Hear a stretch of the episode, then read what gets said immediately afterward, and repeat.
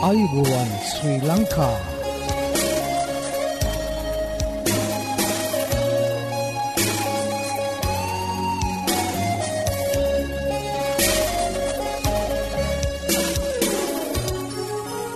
ඔබට සුපදස මේ ඇඩවෙන්ටිස් වර්ල් රේඩියෝ බලාපොරොත්වය හඬයි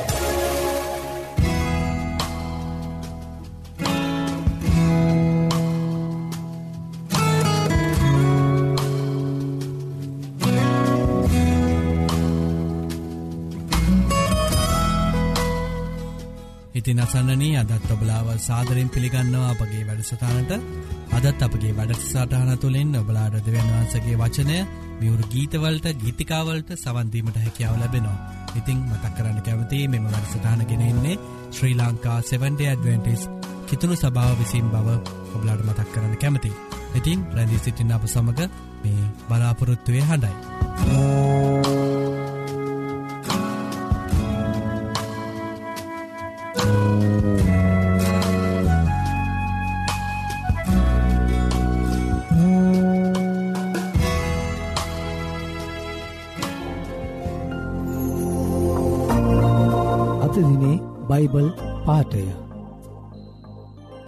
අපේ බලාපොරොත්තුවේ ප්‍රකාශ කිරීම චංචල නොවන පිණිස එය තදින් අල්ලාගෙන සිටිමු. මක් නිසාද පොරොන්දුව දුන් තැනන් වහන්සේ විශ්වාසව සිටින සේක හේබ්‍රෙව් දහය විසිතුන.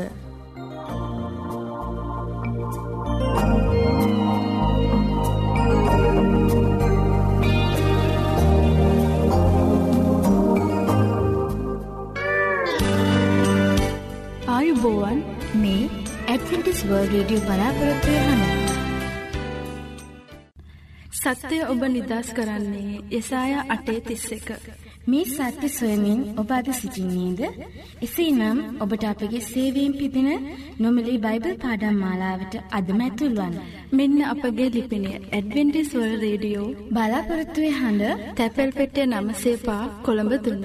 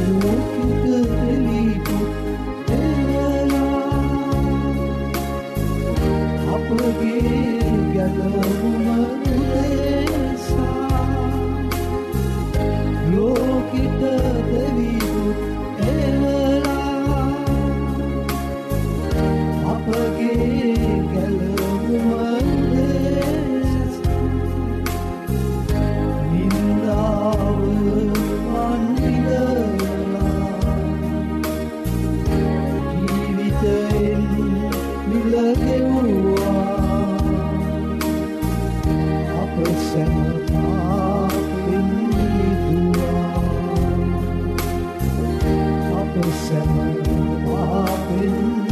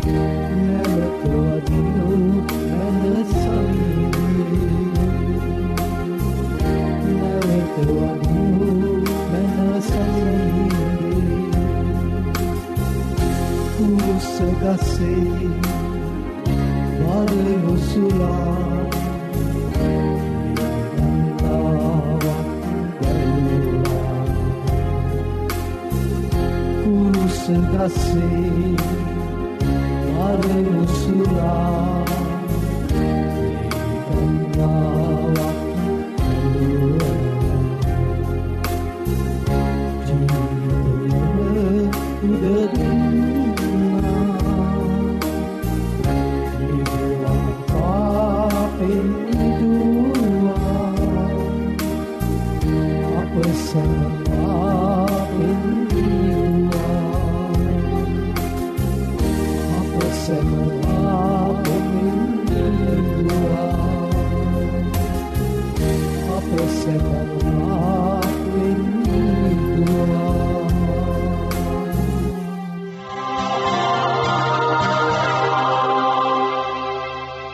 ඔබ මේ රැදි සිටින්නේ Sri Lanka Adventist World Radio බලාපොරොත්තුවය හඬ සමඟයි.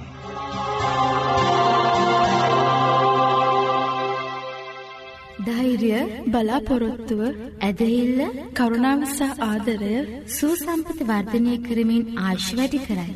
මේ අත්හදා බැලිමිට ඔබ සූදානන්ද එසේනම් එකතු වන්න. ඔබත් ඔබගේ මිතුරන් සමගින් සුවසතර පියමත් සෞඛ්‍ය පාඩම් මාලාවට. මෙන්න අපගේ ලිපිනය ඇඩවෙන්ටිස් වල් රේඩියෝ බලාපොරොත්තුවේ අඩ තැපැල් පෙටිය නම්සේ පා කොළඹ තුන්න. නැවතත් ලිපිනය ඇඩවෙන්ටිස් වර්ල් රේඩියෝ බලාපොරොත්තුවේ හඬ තැපැල් පෙට්ටිය නමේ බිඳුවයි පහ කොළඹ තුන්න.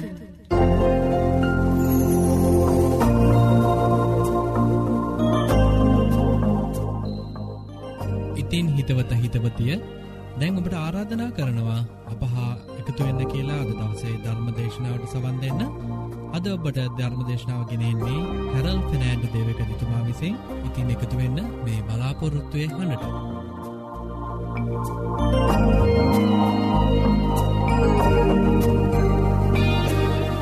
ප්‍රිය අසන්නනී ඔබට ඉවසීම අවශ්‍ය වූ විට ඔබගේ ප්‍රශ්නවලදී පීඩාවේදී ලජ්ජාවීම්වලදී නින්දාවලදී. ඔබට අවශ්‍යමදේ තමයි ඉවසීම. එහෙමනම් ඔබට ඉවසීම අවශ්‍ය වූ විට ඔබ මොහක්ද කරන්නට යන්නේ.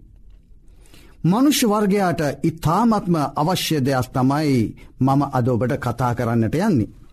ඒ ඔබගේ ජීවිතයට ඉවසීම අවශ්‍ය විටකදී කුමක් කළ යුතුද කියලයි. සමාජයේ බොහෝ අයට ඉවසීම බොහෝ වෙලාවට තිබෙනවා. එහෙම වෙන්නත් පුළුවන්. ඒත් බොහෝ වෙලාවට ඉවසීම නැතිවෙනවා නේද. ඉවසීම මන්දකම නිසා සමහර දෙෙන අද සිරගෙවල් වලත් සිටිනවා. එහෙමත් වන්නට පුළුවන් නේද. ඉවසීම නොමැතිකම නිසාම සිදුවන්නා වූ සිද්ධීන් නිසා. තමන්ගේ පවුල තුළින් රැකියාවෙන් සමාජයෙන් ඈත් වෙලා ජීවත් වෙනවා වෙන්නටත් පුළුවන් නේද. නමුත් මෙච්චර අත්‍යවශ්‍ය වූ ඉවසීම පිළිබඳව. මනුෂ්‍යයා කුමක් කිව්වත්. දේව වචනය පවසන්නේ කුමක්ද කියලා අද අපි සාකච්ඡාවට භාජනය කරමු. ගලාතිපොතේ පස්වනි පරිච්චේදේ විසි දෙවිනි පදය කියනවා. නොමුත් ආත්මයණන් වහන්සේගේ පල නම් ප්‍රේමය ප්‍රීතිය සමාධානය ඉවසිලිවන්තකම කරුණාව යහපත්කම විශ්වාසකම මුෘදුකම පමණ දැන ක්‍රියා කිරම යන මේවාය. බලන්න උන්වහන්සේ පෙන්නුම් කරනවා ශුද්ධාත්මයණන් වහන්සේ ඔබ තුළ මා තුළ සිටිනවා නම් අපි ප්‍රේමිය ප්‍රීතිය සමාධානය වගේම ජීවිතර අවශ්‍ය වන්නා වූ ඉවසිලිවන්තකමත් උන්වහන්සේ අපට ලබා දෙනවයි කියලා. ඒ තමයි ශුද්ධාත්මයාණන් වහන්සේගේ පල. යෙසායා හතලිය තිස් එක කියනවා නමුත් ස්වාමින් වහන්සේ ගැන බලා සිටින්නෝ තමන්ගේ සවිය අලුත් කරගන්න ඕය කියලා. මේ ඉවසීම කියන එක අපි අලුත් කරගන්නවා ස්වාමින් වහන්සේ දෙස බලා සිටියොත්. ස්වාමින් වහන්සේ තුළ ජීවත් වනොත් අපි අපගේ ඉවසීම වර්ධනය කරගන්නවා. එහෙමනම් ඒ අය රාජාලින්මෙන් පියම්බා නගිනවයි කියනොම ඉවසීම තුළ. ඔහු දුවනවා ඒත් වෙහෙස වන්නේ නැහැයි කියනවා ඒකල්ලන්ගේ ජීවිතය ගත කරනවා එහෙත් වෙහෙස වන්නේ නැහැ කියෙන ඇයි ඉවසීම ප්‍රගුණ කරලා තිබෙන නිසා. ඒ අයගේ ජීවිතය තුළ මොන ප්‍රශ්නයක් කාවත්. මොන නින්දාවක් කාවත් ඒ අය පැකිලෙන්නේ නෑ ඒ අය ක්ලාන්ත වෙන්නේ නෑ ඇයි ඉවස්සීම තුළ ගමන් කරන නිසා. ඒ අයගේ ජීවිතය තුළ ඉවසීම අත්දකින නිසා. ගීතාවලය විසිහතේ දාහතර කියනවා ස්වාමින් වහන්සේ කෙරෙහි බලා සිටුව ශක්තිමත් වෙව. තාගේ සිත දහිර්යමත් වේවා එසේය ස්වාමින් කෙරෙහි බලා සිටුව කියලා. මේ ඉවසීම සඳහා බලය ශක්තිය ජෙසුස් වහන්සේ එමනත දෙවියන් වහන්සේ ඔබට ලබා දෙනවා. ඔබ දෙවියන් වහන්සේ කෙරෙහි රැන්දී සිටින්න. දෙවියන් වහන්සේගෙරයි බලාපොරොත්තුවෙන් විශ්වාසයෙන් සිටින්න. ඉවසීම උන්වහන්සේගෙන් ඉල්ලා සිටින්න. ඔබට ප්‍රශ්නයක් එන විට ස්වාමින් වහන්සේට කියන්න මට ඉවසීම ලබා දෙන්න කියලා.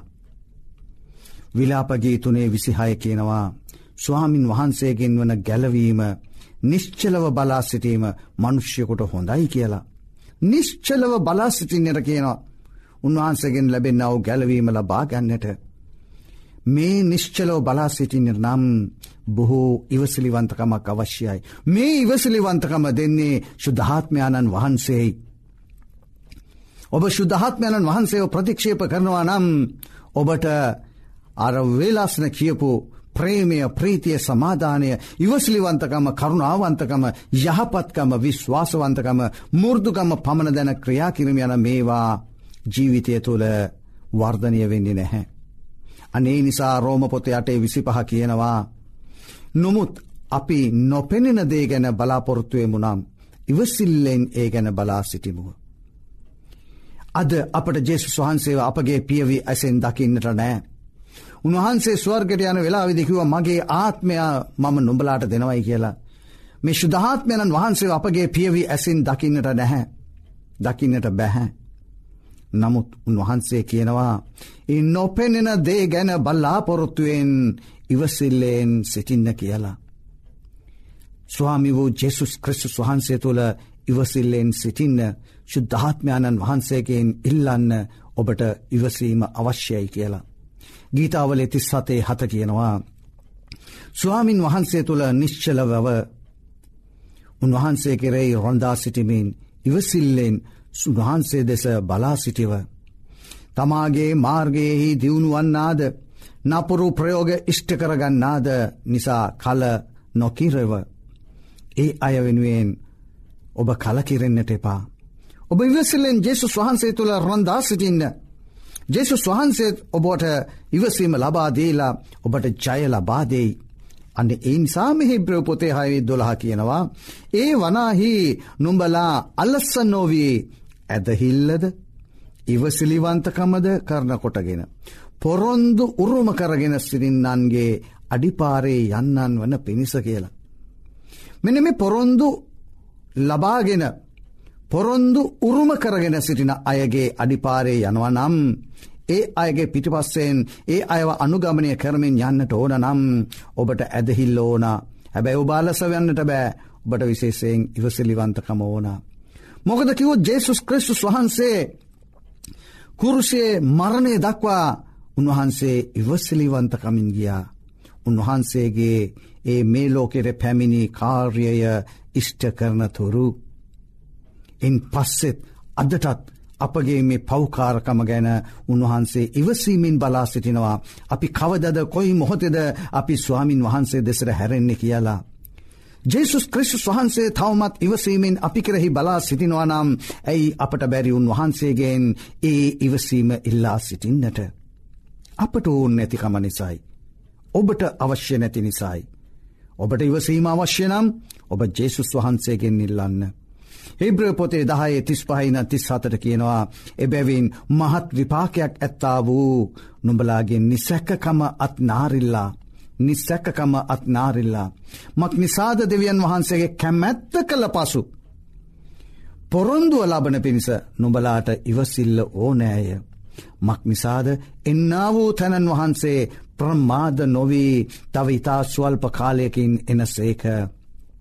ස්වාමි වූ ජෙසුස් ක්‍රිසිස් වහන්සේ පොරොන්දුවන ලෙසම ඉතාමත්ම ඉක්මනින්ම එන්නට යනවා. අද ලෝකය දෙස බලද්දී ඒ සලකුණු ඉෂ්ටවෙමින් පවතිනවා. එහෙමනම් ඇයි අපි තවත් ලතවෙවී මේ ලෞකික ලෝකය තුළ නට නටා ඉන්නේ අපි ජේසුස් වහන්සේ දෙස බලමු. උන්වහන්සේගේ කැමැත්ත අපි කරන්නට උත්සාහවන්තවේමු. උන්වහන්සේගේ කැමැත්ත තමයි පළමුුවෙන්ම දෙවියන් වහන්සේට ප්‍රේම කිරීම ඒ වගේම ඔබ අන් අයටත් ප්‍රේම කිරීම.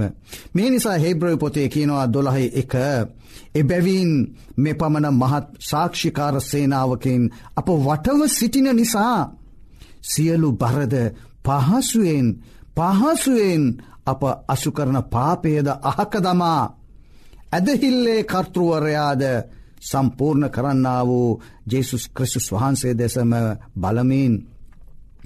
අප ඉදිරිහෙහි තබා තිබෙන දෙවීම ඉවසිල්ලෙන් නොහොත් ස්තීරකමෙන් දුවමු කියලා. දේශනාකාරය පොතේ පෙන්නුම් කරනවා. යම් දෙයක් ආත්මය එහි පටන් ගැන්මට වඩා හොඳය. සමාවෙන්න යම් දේක අන්තිමය එහි පටන් ගැන්මට වඩා හොඳය මක් නිසාද.